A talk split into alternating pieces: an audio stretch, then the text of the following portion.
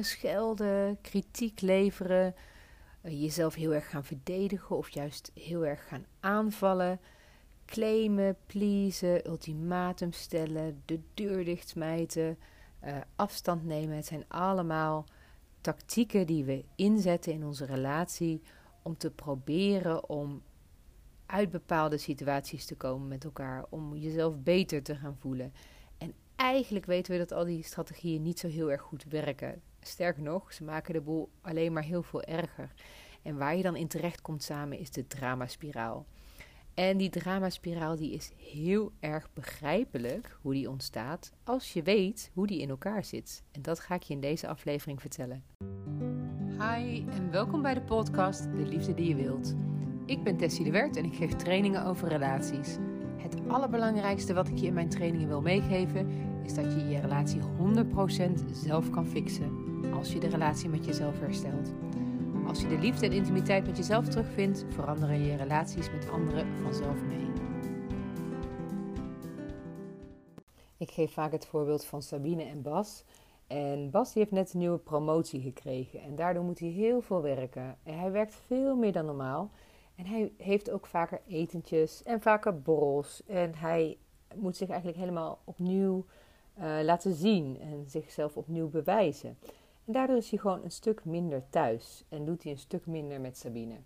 En Sabine die weet natuurlijk wel dat de afwezigheid van Bas, dat die eigenlijk daarmee te maken heeft. Maar toch heeft zij ergens een gevoel van onveiligheid voelt ze. Ze voelt zich alleen, ze voelt zich onzeker. Bas reageert niet meer zo snel op haar appjes. En dat doet gewoon heel veel met Sabine. En Sabine merkt dat ze, ondanks dat ze eigenlijk niet wil, dat ze toch niet kan laten om hem te claimen. Dus als hij thuis komt, dan duikt ze er meteen bovenop om uh, plannen met hem te gaan maken. Om, uh, nou, om in te plannen van wanneer ben je er dan wel. En wanneer kunnen we dan dit en dit en dit doen. En we moeten ook nog het zus en zus en zo doen. En Bassie wordt er eigenlijk heel benauwd van. Hij merkt dat in reactie op het gedrag van Sabine hij juist veel meer afstand wil nemen. Want hij heeft na al dat vele werken juist heel veel behoefte aan rust, aan ruimte, aan vrijheid. En niet aan iemand die helemaal aan hem gaat hangen. En Sabine die uh, gaat hem ook vaker appen, ze gaat hem vaker bellen. En het wordt eigenlijk steeds erger, want Bas gaat daar weer met meer afstand op reageren. En daardoor wordt Sabine juist weer veel onzekerder. Vindt hij me nog wel leuk? Ben ik nog wel belangrijk voor hem? En daardoor gaat ze nog meer aan hem trekken en hem nog meer claimen. En zo gaat het spiraaltje helemaal naar beneden. En wordt Bas' gedrag van afstandelijkheid steeds erger. En Sabine's gedrag van claimen steeds erger. En ze versterken elkaar totaal. En dit is wat ik noem de dramaspiraal. Je bent emotioneel super reactief op elkaar. En hele kleine dingetjes worden op een bepaalde manier uitgelegd. Of dat triggert heel veel emotie in je. En daar ga je weer op reageren met allemaal dingen die juist het gedrag van de ander versterken, waardoor jij ook weer in je emotie versterkt wordt. En dat is natuurlijk super pijnlijk, want Sabine die wil gewoon heel graag contact en ze wil heel graag voelen dat dingen nog veilig zijn, dat dingen gewoon oké zijn tussen haar en Bas. En Bas die wil dat in principe ook, maar hij wil ook die vrijheid voelen en die ruimte voelen en die rust kunnen pakken. En ze lopen elkaar eigenlijk compleet mis. En dit is wat uh, in de dramaspiraal zo um, zo heftig kan gaan aanvoelen. Want ehm, je gaat elkaar steeds meer mislopen. Door het gedrag wat je inzet, ga je elkaar juist mislopen. En komt er juist heel veel verwijdering. Precies hetgene wat je niet wilde. Dus als je het helemaal even vanaf het begin neemt, dan zou je kunnen zeggen van er is een trigger. De ander doet iets, de ander zegt iets en dat triggert jou in jouw emotie. En omdat jij dus emotioneel getriggerd bent, en je dat niet wil voelen, omdat het gewoon natuurlijk niet fijn voelt om een nare emotie te voelen, ga je proberen om dat in de buitenwereld op te lossen, door dat met je partner op te lossen. Dat doe je met bepaalde strategieën, noem ik dat. En ik noem het vaak destructieve strategieën, want de dingen die je daarvoor inzet, die maken de situatie vaak juist erger. Die maken juist uh, dat je minder, minder kans hebt om te krijgen wat je wil. Een van die strategieën van Sabine is dat ze heel erg probeert Bas te gaan claimen. Ze wil inplannen wanneer ze dingen samen kunnen gaan doen. Ze wil dat hij op haar appjes reageert. En een van de dingen van Bas, de destructieve strategie van Bas, is dat hij gaat ontwijken. Dus hij heeft niet in de gaten dat zijn gedrag van ontwijken en afstand nemen, dat het juist de situatie met Sabine heel erg verslechtert. Dus hun gedrag komt voort uit dat ze getriggerd zijn in hun emotie. Sabine is getriggerd in haar emotie van onzekerheid door het gedrag van Bas. En Bas wordt getriggerd in zijn emotie van: hé, boel, dit is benauwend, ik wil hier weg. En hij gaat dus ook veel meer afstand nemen. Ze schieten eigenlijk allebei in een onbewuste reactie op hun emotie en gaan daarmee in bepaald gedrag wat juist niet werkt. Wat juist maakt dat de situatie erger wordt. En dat is precies wat je dus noemt een destructieve strategie. En je zou het ook een patroon kunnen noemen, of een automatisme wat niet werkt, of een diepe conditionering waar je van af wil. En wat interessant is van die dramaspiraal, is dat het eigenlijk precies als je gewoon één zo'n situatie voor jezelf opschrijft, van wat zei hij en wat deed dat met mij, en wat deed ik toen terug, en nou, die gaat dat helemaal ontrafelen, dan kom je eigenlijk precies bij de kern van waar jouw conditionering zit, waar jouw diepe patronen zitten. En daarom vind ik het altijd zo interessant om met die dramaspiraal te werken, omdat je jezelf niet verliest in allerlei verhalen over het verleden en wat hij toen zei en wat zij toen zei. En mijn moeder heeft me zo behandeld en daardoor uh, doe ik nu zo tegen mijn partner. Of ik heb vroeger um, in. Um, ik heb vroeger mijn ouders dit en dit zien doen, of ze zijn gescheiden en daardoor heb ik daar nu ook last van in mijn relatie. Dat soort dingen die kunnen allemaal waar zijn. En tuurlijk, ik bedoel, je bent niet voor niets op een bepaalde manier gevormd. Je bent niet voor niets, uh, heb je bepaalde conditioneringen gekregen en bepaalde automatismen zijn in je systeem gekomen. Alleen om daaruit te komen, is het soms behulpzamer om uit die verhalen te blijven en juist je heel erg te focussen op wat is nou helemaal in het klein hetgene wat ik doe. En waar komt dat nou precies vandaan? Wat zit daarachter? Nou, en wat is dan een kern van een probleem, zou je je kunnen afvragen? Dat is dat jij bepaalde behoeften hebt. En je hebt bepaalde behoeften en die behoeften die zijn heel erg belangrijk. Die moet jij ook gaan invullen in je leven. Ga net zo lang seintjes aan jou geven tot ze worden ingevuld. En die seintjes, dat zijn jouw emoties. Dus als jij bijvoorbeeld, zoals Sabine, heel erg de behoefte hebt aan veiligheid, dan krijg je elke keer krijg je een seintje en dat is dan misschien angst. Of een gevoel van onzekerheid, wat je eigenlijk ook een angst zou kunnen noemen. En elke keer komt die onzekerheid als een soort alarmbelletje opzetten van hé, hey, hallo, je hebt een hele grote behoefte aan veiligheid, ga dat nou eens fixen? En dat krijgt Sabine dus de hele tijd. Ze voelt de hele tijd van hé, hey, het is niet veilig hier, het is niet veilig hier, ik moet dit gaan fixen. En dan gaat ze dus Bas weer appjes sturen en dan gaat ze Bas proberen te claimen. Dus ze reageert eigenlijk op haar eigen alarmbelletjes, maar precies door die verkeerde dingen te doen. En dat komt omdat ze niet doorheeft wat, dat wat daaronder ligt, onder die alarmbelletjes, dat dat de werkelijke plek is waar ze naartoe zou moeten gaan. Dat dat de werkelijke plek is die aandacht nodig heeft in haar. En dat zijn haar eigen eh, behoeften. Haar eigen diepe behoeften in zichzelf. En hoe voelt die behoefte? Wat is, wat is dat eigenlijk in mij? Wat gebeurt er nu eigenlijk in mij? En dat is waarom ik ook heel vaak in mijn trainingen de U-turn laat terugkomen. En de U-turn, daar bedoel ik mee dat als je dus in zo'n situatie zit waarin je merkt, oh ja, nu ben ik weer heel erg aan het pleasen of aan het claimen, of ik ben in ieder geval heel erg invested in het gedrag van die ander wijzigen, veranderen, zodat ik me beter kan voelen, dan zit je in een positie waarin je al je focus op die ander hebt gelegd. Al je energie zit bij die ander. Het is alsof je echt helemaal in die ander leeft. En alsof je helemaal afhankelijk bent van die ander. En dan gaan mensen zich dus ook heel erg onzeker voelen en heel erg afhankelijk van hun partner. Want die ander die is helemaal verantwoordelijk voor jouw geluk. Je hebt eigenlijk alle macht voor jouw geluk uit handen gegeven. En daarom is die U-turn zo belangrijk. Dus wat ik mensen dan leer in mijn training is om die U-turn te maken. En dat betekent eigenlijk gewoon de focus weer terug op jezelf te leggen. Van oké, ik merk nu dat ik allerlei angst heb. Ik heb allerlei onzekerheden die opkomen. Of allerlei gedachten die heel eng zijn. Dat, dit is allemaal in het voorbeeld van Sabine natuurlijk. Wat is dit precies? En om dan echt naar binnen te gaan, in je lijf te voelen van oké, waar voel ik dit precies? Wat zijn hier precies de fysieke sensaties? En wat zijn precies mijn gedachten? En die emoties, hoe voelen die precies aan in mijn lichaam? En om dan ook te gaan voelen van als ik nu naar deze emotie kijkt, wat zou hier voor behoefte onder kunnen liggen?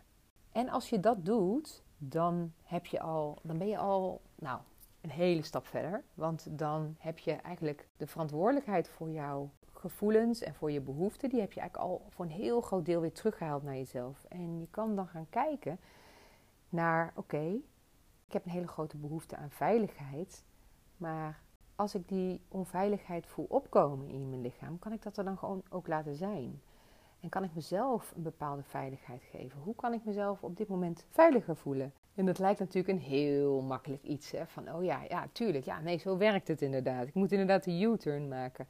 Maar dat zijn we helemaal niet gewend. En daarom is het ook gewoon heel erg normaal dat mensen in die dramaspiraal komen. Hè? Je komt niet alleen maar in die dramaspiraal met je, met je geliefde, maar ook met je kinderen, met je ouders, met je vrienden, uh, met wie dan ook. Uh, met wie je voelt dat je makkelijk getriggerd wordt. Iemand die jou kan raken. Iemand die dus kennelijk alarmbelletje doet laten afgaan bij jou. Van hé, hey, behoefte wordt niet vervuld. Hé, hey, dat is een behoefte die niet vervuld wordt. Je moet terug naar binnen. Ga eens even kijken wat het is. En dat is ontzettend moeilijk, want ons automatisme is om altijd alles in de buitenwereld te fixen. Als we ongelukkig zijn, dan denken we, oh ja, ja, maar ik zit ook eigenlijk niet in een goede baan. En ik zit niet in een goede relatie en daardoor ben ik ongelukkig. Mijn mening is dat tuurlijk kan je al die dingen veranderen en moet je ook zeker doen. Je moet ook zeker gaan voor alle dingen in het leven die je fijn vindt en goed vindt. Maar mijn mening is dat je als je eerst naar binnen gaat en eerst dat in jezelf fixt, hetgene wat je allemaal van de buitenwereld wilde, dat je dat dan ook vanzelf gaat creëren. Als jij in een relatie zit waarin je je ontzettend onveilig voelt en je weet die weg terug naar binnen te vinden en je weet voor jezelf een heel veilig nestje te maken in jezelf, wat echt kan, dan zit je misschien ineens wel dat je kijkt in je relatie van hé, hey, hey, ik, ja, ik merk dat hij geeft eigenlijk helemaal geen sugar. Hmm, weet je wat ik doe? Ik ga eens ook eens even lekker op pad. Of ik ga ook eens even mijn eigen plan trekken. Of um, waar waren eigenlijk die vriendinnen van jaren geleden? Die ga ik eens even opbellen. En hoe dat er dan heel concreet uit zou kunnen zien voor Sabine en Bas, als zij dus inderdaad die U-turn allebei zouden maken, is dat Sabine ineens een heel diep contact voelt met haar gevoelens van onzekerheid en van um, misschien ook wel eenzaamheid. En dat ze daardoor voelt van, oh ja, ik, ga dat, ik hoef dat niet eens zo bij Bas te halen, want ik kan daar zelf eigenlijk prima voor zorgen. En dat ze ineens de ruimte krijgt om te zien, oh jeetje, hij is echt bezig met zijn passie. Hij wilde dit al zo lang. Ineens komt er ruimte voor begrip van de behoeften van Bas. En dat ze ook gaat zien van, oh ja, als hij thuis komt, ja, tuurlijk wil hij dan eventjes vrij zijn en wil hij even rust en ruimte. Want ja, hij heeft zo hard gewerkt. Ze neemt het ineens niet meer zo persoonlijk. En dat verandert natuurlijk alles. Daardoor krijgt Bas in, inderdaad heel veel meer ruimte en kan hij inderdaad veel meer gaan zien hoe het voor Sabine is.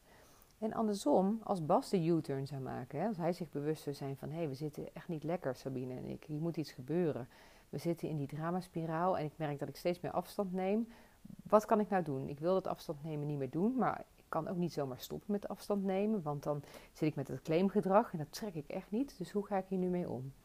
Als hij de U-turn zou maken, dan zou hij er misschien achter komen van: oh ja, ja, ik voel gewoon dat ik heel veel behoefte heb aan die rust en die ruimte en het gevoel van vrijheid. En dat me heel erg benauwd. En doordat hij die behoefte in zichzelf scherp heeft, en daar niet meer voor op de vlucht is, dan kan hij zien waar Sabine in zit. En op een manier communiceren die voor haar wel veilig is. Dus hij stelt dezelfde grenzen eigenlijk. En hij komt voor dezelfde behoeften op in zichzelf. Alleen hij doet het op een manier die voor Sabine helemaal oké is. En dat ze voelt dat het geen afwijzing is, dat het veilig is. Dat Bas haar nog steeds de liefde, liefste vindt. Want het gaat Sabine natuurlijk niet om per se dat Bas thuis is. Het gaat haar om wat er onder onder wat ze denkt dat ze nodig heeft, namelijk dat Bas thuis is, gaat het natuurlijk om het gevoel van veiligheid, om het gevoel van samen zijn, om de connectie. Bas kan zelfs vragen aan Sabine of hij haar wil ondersteunen. Dus was hij, was hij eerst aan het weggaan om aan zijn behoeften te voldoen, regelt hij nu die invulling van zijn behoeften in het contact. In het contact met Sabine. Dus hij blijft en in het contact speelt alles zich af. En dat is echt de intimiteit. Dat is uh, echt een verbinding. En het kan eigenlijk alleen maar als je echt naar binnen bent gegaan en je hebt afgevraagd: wat gebeurt hier eigenlijk in mij? Want anders worden het allemaal trucs en manipulatie om een bepaald gedrag van Sabine te krijgen. En als je dan merkt dat je vanuit die nieuwe innerlijke staat, waarin je dus eigenlijk innerlijk jezelf hebt vervuld, innerlijk je behoeften hebt vervuld, of in ieder geval hebt erkend, wat al heel wat is, dan merk je dat je hele andere keuzes gaat maken. En dan ben je in staat om hele andere dingen aan te trekken. En dan gaat jouw relatie vanzelf compleet veranderen. En dat is het mooie van met die dramaspiraal werken. Dat op het moment dat jij je gedrag verandert, dan weet je, iemand anders dat gaat opmerken. Dus dan gaat iemand anders ook denken van, hé, hey, wacht eens eventjes. Uh, ze trekt helemaal niet meer aan me. En uh, ze heeft helemaal niks ingepland voor ons voor komende weken. En ineens gaat de behoefte ontstaan bij de ander om naar jou toe te komen. En misschien zeg ik het verkeerd, niet de behoefte ontstaan, maar er ontstaat ineens een enorme ruimte. En er staat een enorme vrijheid om helemaal vanuit zichzelf naar jou toe te komen. Of vanuit zichzelf te gaan zien wat jouw behoeften zijn. Doordat er niet meer die emotionele trigger is die je bij elkaar hebt, ontstaat er heel veel ruimte om elkaar te gaan zien en wat, te gaan zien wat de werkelijke behoeften zijn. En op dat moment kun je ook gaan communiceren op een hele andere manier. Je kunt veel meer gaan communiceren op dat level van de behoeften, in plaats van op het level van gedrag. En dus ja, gedrag is heel belangrijk. En ja, gedrag moet je aanpassen om verandering door te, door te voeren. Alleen dat gedrag, dat gaat eigenlijk vanzelf mee. Dat is zeg maar het bovenste gedeelte van de ijsschot, zeg maar. Dat gaat vanzelf mee als je die hele grote wortel die daaronder zit, die hele grote deel van het ijsschot wat onder water zit, als je dat verandert, dan gaat dat gedrag, dat gaat vanzelf mee. Gedrag op wilskracht wijzigen is ontzettend moeilijk. En, en volgens mij is het ook eigenlijk niet te doen. En daarom adviseer ik mensen altijd om naar binnen te gaan. Om die U-turn te maken. Om te gaan kijken, wat is dit in mij? Wat probeer ik nu via die ander op te lossen in mezelf? Wat probeer ik via die ander te krijgen? Want het is natuurlijk hopeloos om dingen van een ander te verwachten of te eisen. Of je geluk in handen van iemand anders te leggen. Terwijl er zo'n directe manier is om met je eigen behoeften om te gaan. Het is heel simpel. Het gevoel van onveiligheid komt op en jij bent er gewoon voor dat gevoel. En ineens voel je je veilig. Een gevoel van verdriet komt op en jij bent er voor dat gevoel. Je gaat er niet de strijd mee aan. Je laat het gewoon helemaal zijn. En ineens is daar die ideale troost. Die ideale partner die zich helemaal om dat gevoel ontfermt. Wat je altijd in die ander zocht. Blijkt allemaal in jezelf te zitten. En om daar te komen, om in die totale zelfacceptatie te komen, dan helpt het als je in zo'n dramaspiraal zit om jezelf af te vragen: wat wijs ik hier op dit moment in deze situatie in mezelf af? Welke gevoelens wijs ik nu af? Welke behoeften wijs ik nu af? Wat probeer ik uh, door de, via mijn partner op te lossen wat ik zelf aan het afwijzen ben op dit moment? Ja, en dan kom je erachter dat die liefde die je wilde van die ander, dat die eigenlijk altijd al aanwezig is in jezelf. En dat die heel direct aanwezig is ook. Dat je die, daar kun je altijd aanspraak op maken. Je kunt er altijd contact mee maken. Die is er altijd onvoorwaardelijk voor jou. En dat kan je partner nooit aan jou geven. Dat kan niemand ooit aan jou geven. De hele wereld is gevuld met ja, wat ze in de Vipassana meditatie anicca noemen. En dat is dat alles komt op en gaat weer weg. Alles komt op en gaat weer weg. En zo in jou ook. Alles komt op en gaat weer weg. Een gevoel van onveiligheid komt op en het gaat weer weg. En degene die dat observeert, dat ben jij. Dat is degene die voor al die gevoelens en al die behoeften kan zorgen. Gewoon door het te zien en door het te erkennen en door er nul strijd mee aan te gaan. In zekere zin zou je kunnen zeggen dat de dramaspiraal een uiting is van zelfafwijzing een uiting is van dingen buiten, je, buiten jezelf zoeken, die je innerlijk ook heel goed kunt vinden, die je innerlijk beter zelfs nog kunt vinden. Oké, lieve mensen, nou daar laat ik het weer bij voor vandaag. Ik hoop jullie volgende keer weer te zien. Hi! Hey, dankjewel dat je mijn podcast hebt geluisterd. Mocht je het fijn hebben gevonden om naar te luisteren, abonneer je dan op mijn kanaal en geef me 5 sterren, want dan help je me ook heel erg om andere mensen te bereiken. Je kunt me ook volgen op mijn Instagram, de liefde die je wilt. En ik zou zeggen, tot de volgende keer.